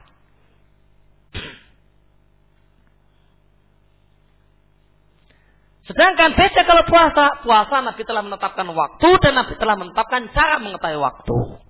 Waktunya yaitu bulan Ramadan dan cara untuk mengetahui waktunya adalah dengan melihat hilal. Maka nggak mungkin kita samakan dua hal yang berbeda. telah al-fajr maka jika fajar telah terbit, amsaka maka hendaklah seorang itu imsak menahan diri, wayan qalbihi dan dia berniat dengan hatinya, niat puasa dengan hatinya di dalam hati tidak perlu dilafatkan dan tidak perlu melafatkan niat. Di antara biha bid'atun karena melafatkan niat untuk puasa, nawaitu somal ghadi dan seterusnya adalah bid'ah. Kenapa? Karena Nabi Shallallahu Alaihi Wasallam dan para sahabat tidak pernah mengajarkannya.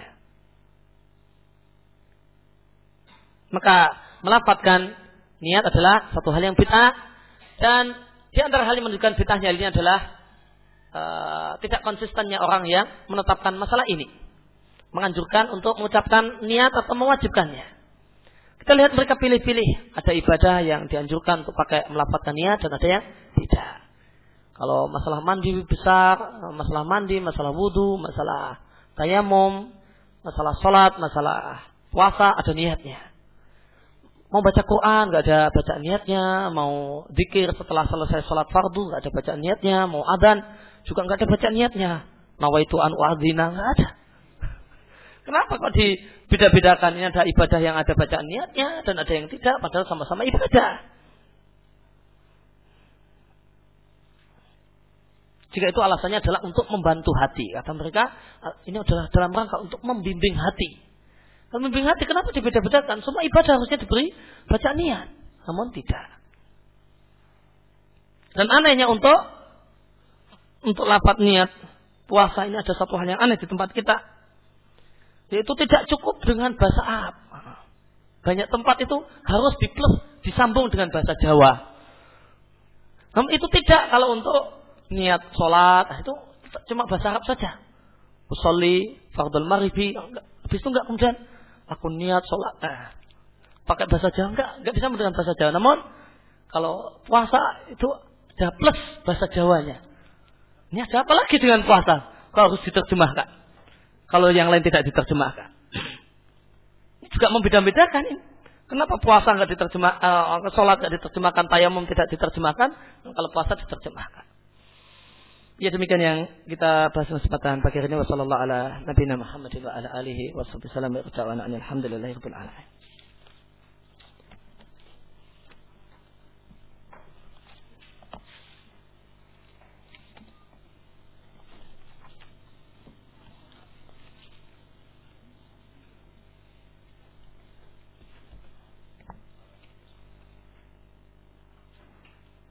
Apa hukum nyanyian nasid yang bernuansa Islam dan tanpa musik?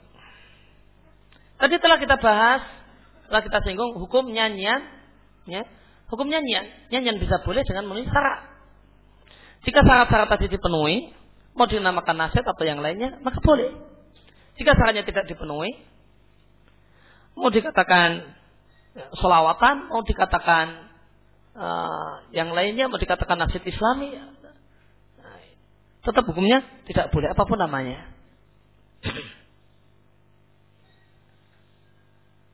Sebaiknya di masjid cukup satu adzan atau adzan dua kali malam dan fajar ya sebaiknya dua kali.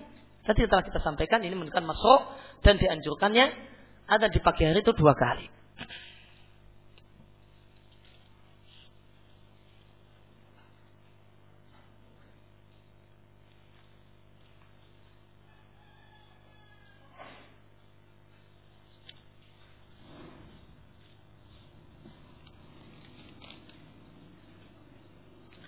Bagaimanakah kualitas hadis setiap urusan tidak dimulai dengan Bismillahirrahmanirrahim maka dia terputus dari berkah. Hadis ini diperselisihkan ulama tentang kehasanannya. Sebagian ulama menghasankan hadis ini semacam An Nawawi. uh, sebagian ulama yang lain mendaifkan hadis ini semacam al-Albani. Dan Allah Ta'ala alam mungkin nampak yang lebih kuat adalah hadis ini adalah hadis yang taif.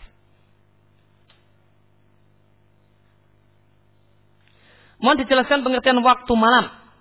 Yang dimaksud malam adalah sejak tenggelamnya matahari, yaitu tibanya waktu salat maghrib sampai terbitnya fajar, yaitu waktu subuh.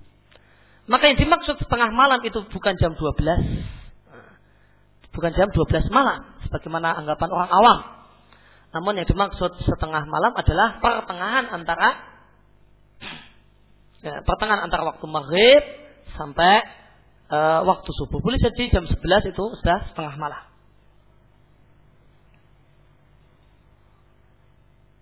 Apakah larangan memakai baju berwarna merah polos bagi laki-laki juga berlaku untuk celana? Sama, berlaku untuk celana. Pakaian pakaian merah polos terlarang untuk laki-laki baik namanya celana, namanya baju, mau namanya jubah, mau namanya gamis, mau namanya hem atau yang lainnya.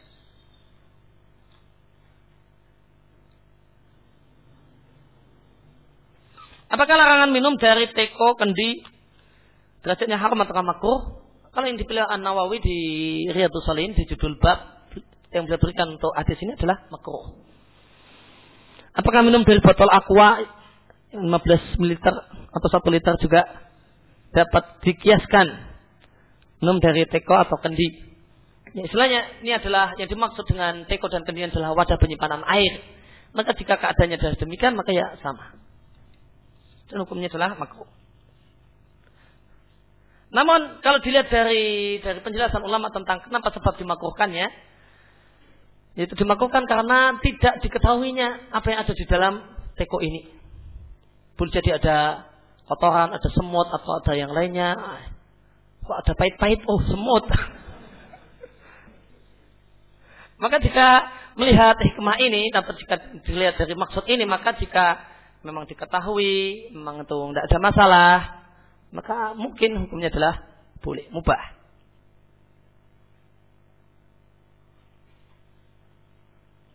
Jika seorang wanita menemukan bahasanya dia telah berhenti haid pada pagi hari. Sementara dia tidak berniat untuk puasa Ramadan. Pada malam harinya, apa dia harus imsak? Ternyata dia sudah bersih sebelum terbit fajar itu.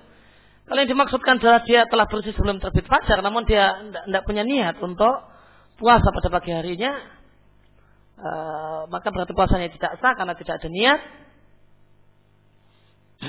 Kemudian, namun dia wajib imsak. Ya, wajib insan dan ini adalah sebuah keteledoran. Ini adalah sebuah keteledoran dan sebuah kemungkaran dan sebuah kesalahan sangat besar.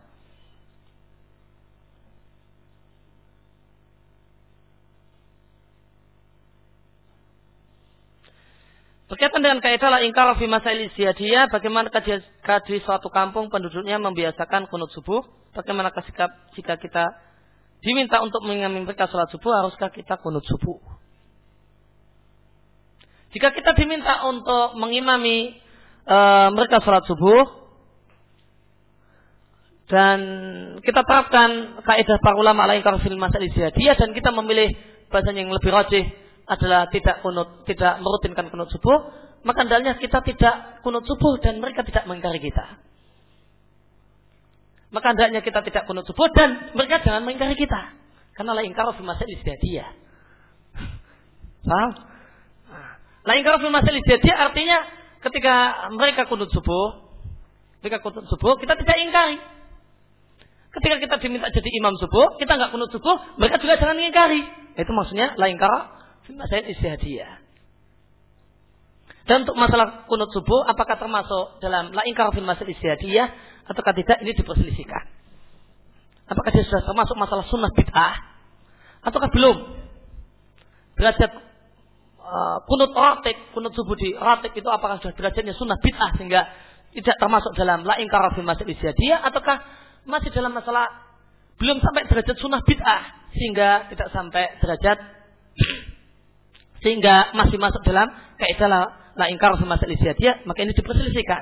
Ada sebagian ulama yang sudah memasukkan masalah ini sebagai permasalahan sunnah bid'ah sehingga tidak berlaku kaidah ingkar fil masail ijtihadiyah. Namun sebagian lagi tidak Dan yang lebih tepat, Allah Ta'ala a'lam, masalah kunut subuh ini termasuk masalah la ingkar fil masail istihadiyah.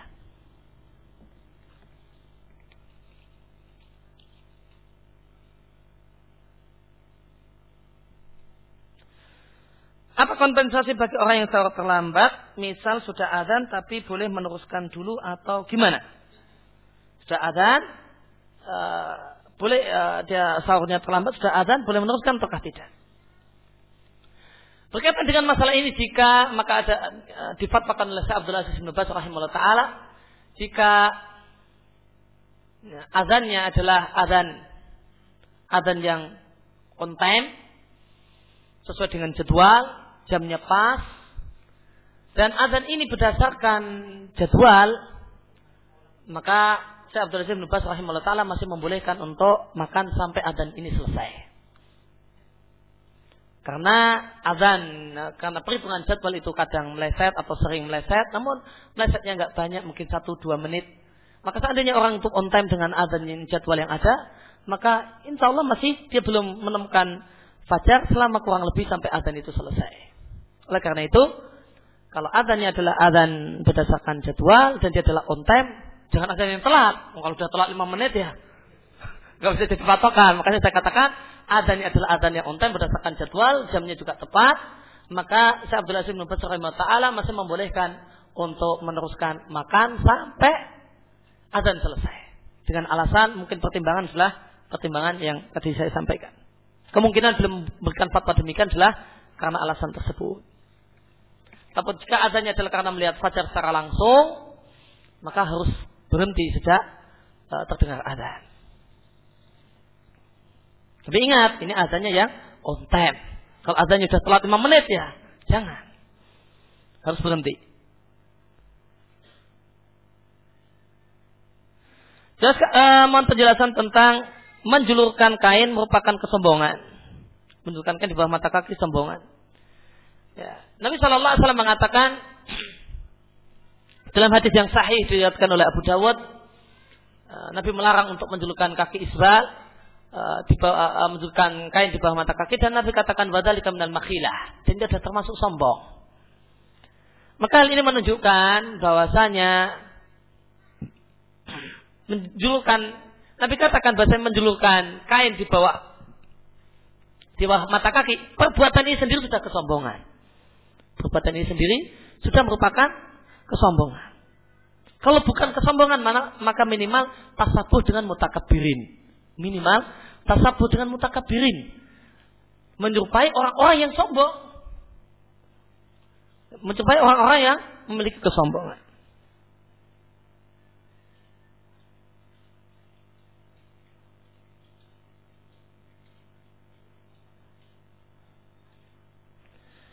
Tadi disebutkan jika tidak uh, agar tidak membingungkan antara adzan pertama dan kedua dilakukan oleh orang yang berbeda. Bagaimanakah jika telah dilakukan uh, tetap dilakukan satu orang tapi di antara adzan pertama dan kedua dengan lagu yang berbeda? Apakah ini dibolehkan? Kita katakan ya, sebaiknya adalah apa mempraktekkan apa yang dipraktekkan di masa Nabi Shallallahu Alaihi Wasallam, yaitu orang yang berbeda.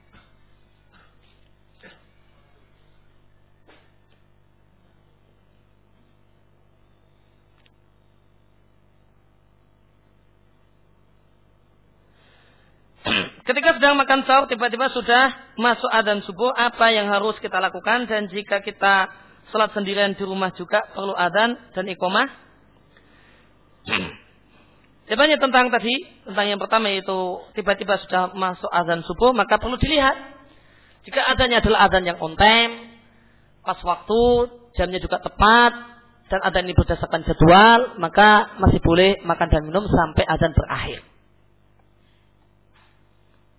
Namun jika adanya azan yang telat, ya maka jangan hentikan makan dan minum. Jika kita salat sendirian di rumah, perlu azan dan iqamah? Jawabannya, uh,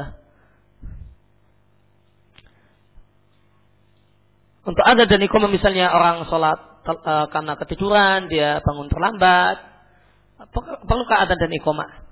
Jika dia adalah seorang yang mukim, maka kewajiban adzan yang telah gugur dengan adzan yang dikumandangkan di masjid-masjid yang ada.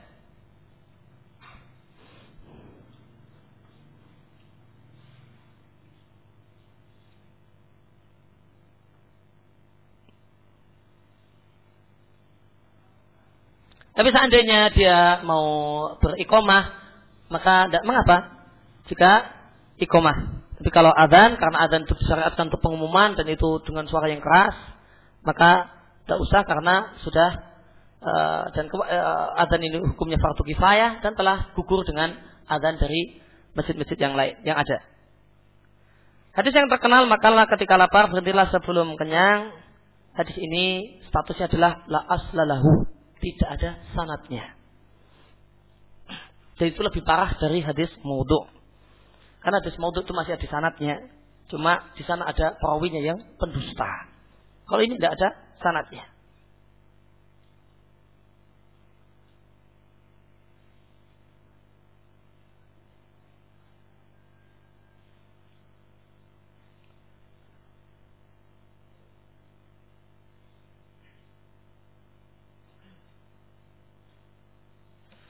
Bila ada penceramah yang apa ini?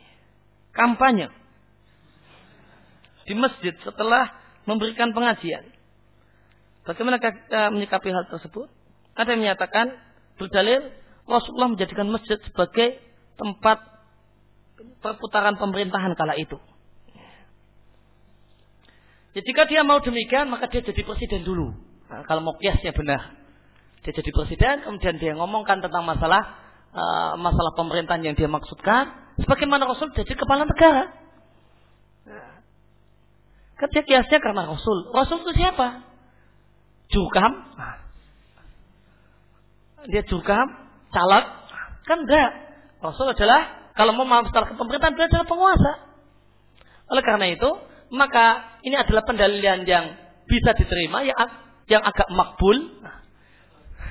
Bisa bisa diterima jika dia adalah seorang penguasa, kemudian dia bicara tentang masalah maslahat berkaitan dengan masyarakat orang banyak, uh, berkaitan dengan kebijaksanaan pemerintahan, dia umumkan lewat masjid dengan dia memberikan ceramah.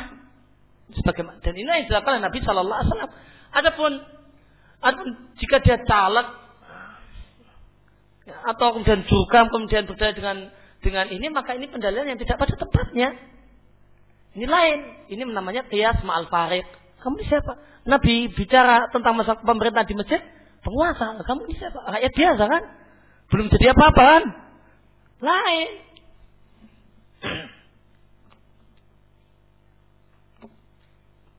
Dan Nabi Shallallahu Alaihi Wasallam jadikan pusat pemerintahan di masjid itu kan dalam artian Nabi berikan menyampaikan kebijaksanaan kebijaksanaan diumumkan lewat masjid. Demikian yang dimaksudkan. Maka ini adalah kalau seandainya mau dipakai demikian, maka ini berlaku untuk penguasa, bukan untuk juga juru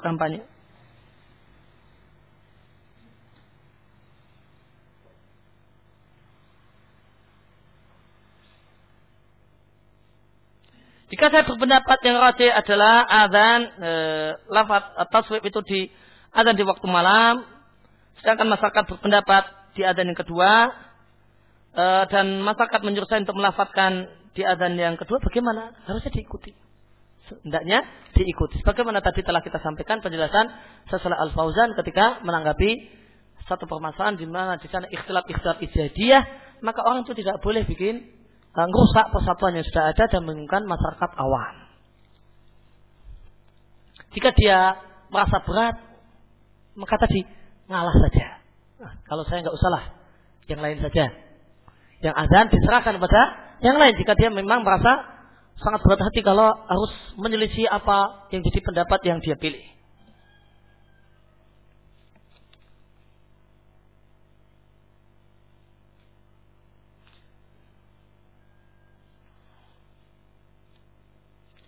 Adakah larangan e, bagi wanita untuk memakai cincin di jari tengah atau jari telunjuk? Kemarin telah kita sampaikan, larangan memakai jari telunjuk, larangan memakai cincin di jari tengah dan jari telunjuk itu adalah khusus untuk laki-laki. Sedangkan perempuan semua jarinya mau dikasih cincin boleh. Sebagaimana dikatakan oleh An Nawawi, saya mengatakan hadis ini berlaku untuk laki-laki, sedangkan untuk perempuan ulama ijma Sedangkan untuk perempuan ulama sepakat semua jarinya boleh untuk semua jarinya boleh digunakan diberi cincin. Dan berkaitan dengan uh, pakaian warna merah, bagaimana kalau laki-laki memakai baju warna merah jambu? Gak salah laki-laki pakai merah jambu.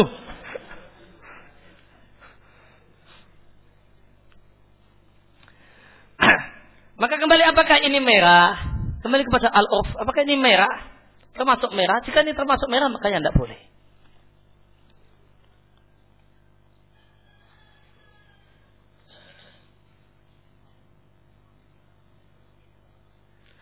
Jika kita menjalankan ibadah puasa, tidak sengaja kita melanggar adab-adab yang wajib dalam berpuasa, apakah membatalkan puasa? Apakah mengurangi nilai ibadah puasa? Maka ditanyakan, jika melanggar adab-adab yang wajib, dengan tidak sengaja. Gimana bentuk tidak sengaja? Dusta tidak sengaja? Ya sengaja, selama orang itu sadar bisa ini, maka itu sengaja. Tidak bisa dikatakan Oh, maaf saya bohong tidak sengaja. Udah dia nyetel nyanyian, dia nyetel sendiri dalam keadaan melek gini udah nyetel. Oh, saya tidak sengaja dengarkan nyanyian. Bisa dikatakan tidak sengaja ya, ini sengaja selama orang itu masih dalam keadaan sehat, tidak uh, dalam keadaan tidak tidur, maka yang dilakukan adalah semuanya dilakukan dengan sengaja. Dan jika dilakukan maka akan mengurangi nilai puasa. Tidak membatalkan puasa namun mengurangi nilai puasa.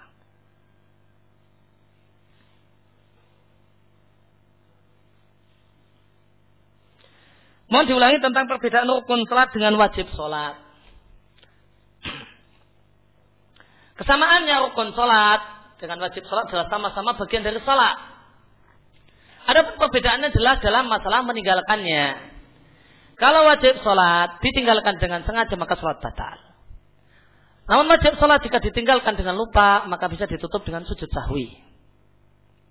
Bisa diganti dengan sujud sahwi. Adapun uh, rukun sholat, maka jika ditinggalkan dengan sengaja jelas sholat batal.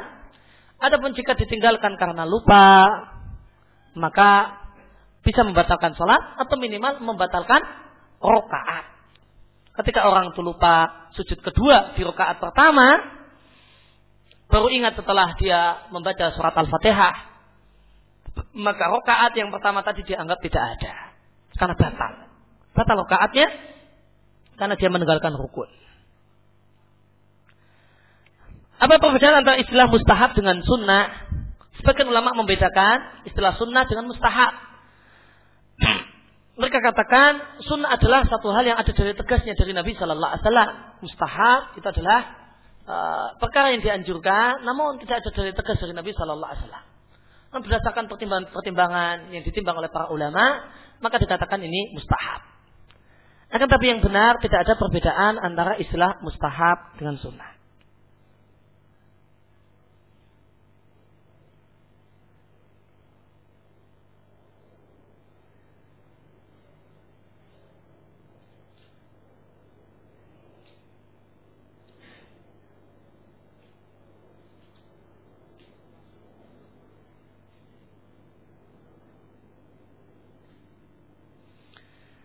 Tentang beberapa hal berkaitan dengan kisah Isra Mi'raj, ditanyakan apakah benar apakah tidak. Nabi diberikan suguhan untuk Rasulullah. Nabi minum susu sepertiganya. Uh, sebagai gambaran bahasanya sepertiga umatnya ya, ya, hanya sepertiga umatnya saja mengikutinya. Yang benar, Nabi memang disuguhi susu, namun susu dengan khamar dan Nabi Shallallahu Alaihi Wasallam memilih susu dan Jibril mengatakan kepada Nabi Shallallahu Alaihi Wasallam, uh, engkau mencocoki fitrah. Adapun cuma sepertiganya dan ini menunjukkan bahasanya pengikut umat Muhammad itu cuma sepertiga dari keseluruhan umat manusia setelah uh, umat dakwah. Umat ijabah itu cuma sepertiga dari total umat dakwah, maka Allah alami tentang statusnya. Yang yang jelas yang sahih adalah Nabi Shallallahu Alaihi Wasallam memilih susu, meminum susu dan dikatakan oleh Jibril, engkau telah mencocoki fitrah. Kemudian seorang yang dihadapkan uh, di hadapannya ada daging yang lezat dan ada yang daging yang busuk, dia memilih daging yang busuk. Uh, ini adalah bagi pezina yang memiliki istri yang sah.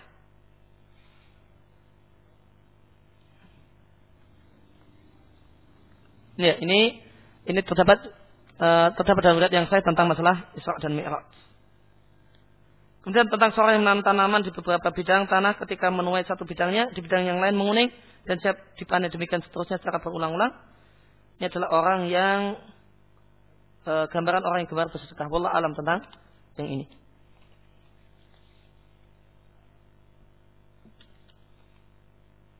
Bagaimana jika kita mengajar TPA tapi memakai cerita khayalan dengan mengambil, mengambil hikmah dari cerita tersebut?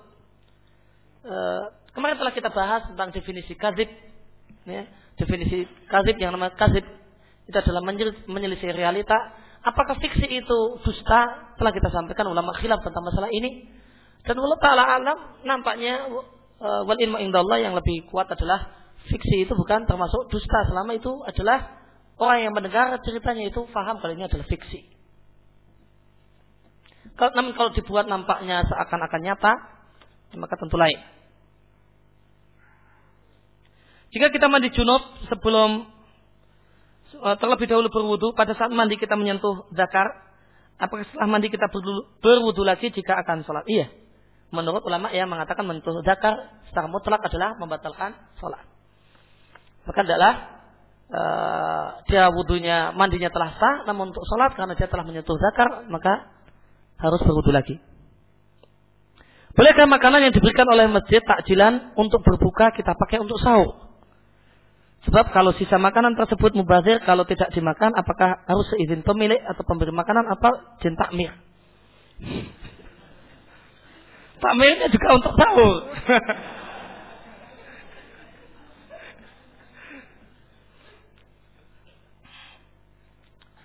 Maka ini maksudnya ini diserahkan sebagai uh, oleh orang yang oleh orang yang memberikannya ini diniatkan sebagai takjil untuk makanan berbuka, maka amanahnya adalah untuk berbuka, jangan untuk makan sahur. Maka tidak boleh makan uh, untuk makan sahur kecuali dengan seizin pemiliknya. Dan orang yang dititip anak wajib amanah. Jika memang untuk makan untuk takjil, maka dia dihabiskan untuk takjil. Jika memang jatahnya untuk takjil dan untuk makan sahur takmir, nah, maka bisa takmir ambil untuk makan sahur. Jika tidak, maka tidak amanah.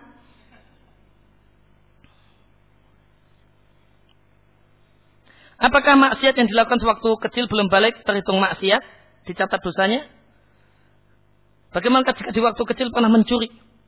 Apakah harus membelikan barang yang dicuri? Untuk tercatat dosanya tidak tercatat dosanya.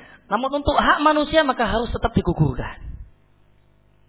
Kalau untuk dosanya mencuri misalnya, apakah ketika belum balik apakah tercatat dosanya? Tidak tercatat sebagai dosa. Dan hak manusia tidak bisa hilang. Ada kewajiban untuk mulangkan barang. Bukan karena bukan karena berdosa, namun karena ini hak manusia.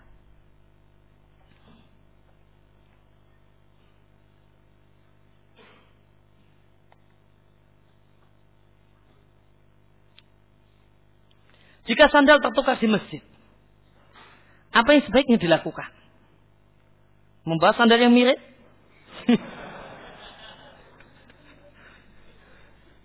Apa lebih baik pulang tanpa membawa sandal?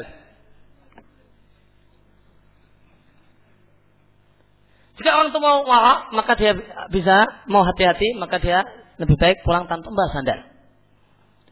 Namun jika orang mau ngambil boleh, maka dia boleh ngambil sandal yang tersisa. Dia boleh ngambil sandal yang tersisa. Tidak ada satupun yang punya.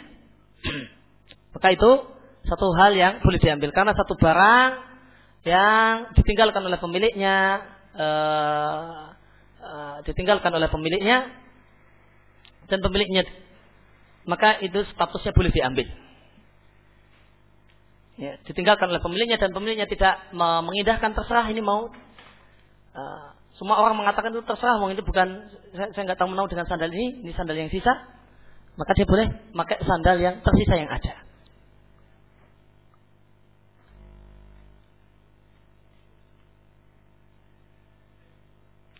Kemudian berkaitan dengan masalah TPA tadi dan kisah fiksi tadi, ya, uh, uh, diingatkan, uh, saya diingatkan, jazakallah khairah. Uh, tentu lebih baik, tentu tidaklah dilakukan bahasanya lebih baik adalah membiasakan diri dengan kisah-kisah para nabi dan kisah-kisah para sahabat dan para ulama salaf. Ya, untuk para tabiin bisa buku, uh, bisa mengacu pada buku misalnya Suar min Hayati Tabi'in atau Suar min Hayati Sahabah dan buku-buku yang baik yang membahas tentang masalah ini. Tentu tidaklah dilakukan ini yang uh, lebih baik. Bolehkah seorang yang sedang puasa mencumbu istrinya? Jawabannya boleh jika bisa menahan diri. Sebagaimana Nabi Shallallahu Alaihi Wasallam mencumbu Aisyah dan Nabi katakan uh, dan Aisyah mengatakan dan dia adalah orang yang paling bisa menahan diri, menahan nafsunya. Kalau seorang perempuan ikut tarawih bersama suami di rumah, terus suaminya lupa bacaan ayat salat, bagaimana cara mengingatkannya?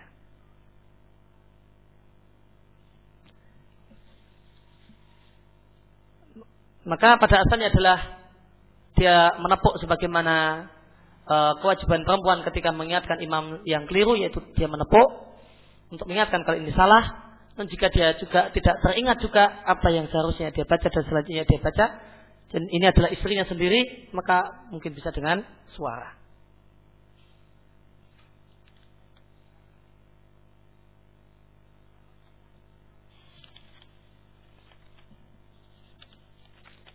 Demikian yang kita bahas kesempatan pagi hari ini. Wasallallahu ala nabiyina Muhammad wa ala alihi wasallam wa bihamdika asyhadu ilaha illa anta astaghfiruka wa atubu ilaik